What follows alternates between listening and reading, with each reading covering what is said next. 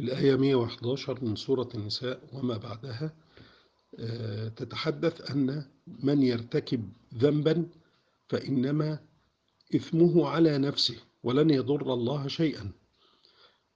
والآية التالية تقول إن من من يرتكب هذه الخطيئة أو الإثم عن عمد ثم يرتكب جريمة أخرى وهي أن يلقي بتهمة هذا الذنب على إنسان آخر بريء.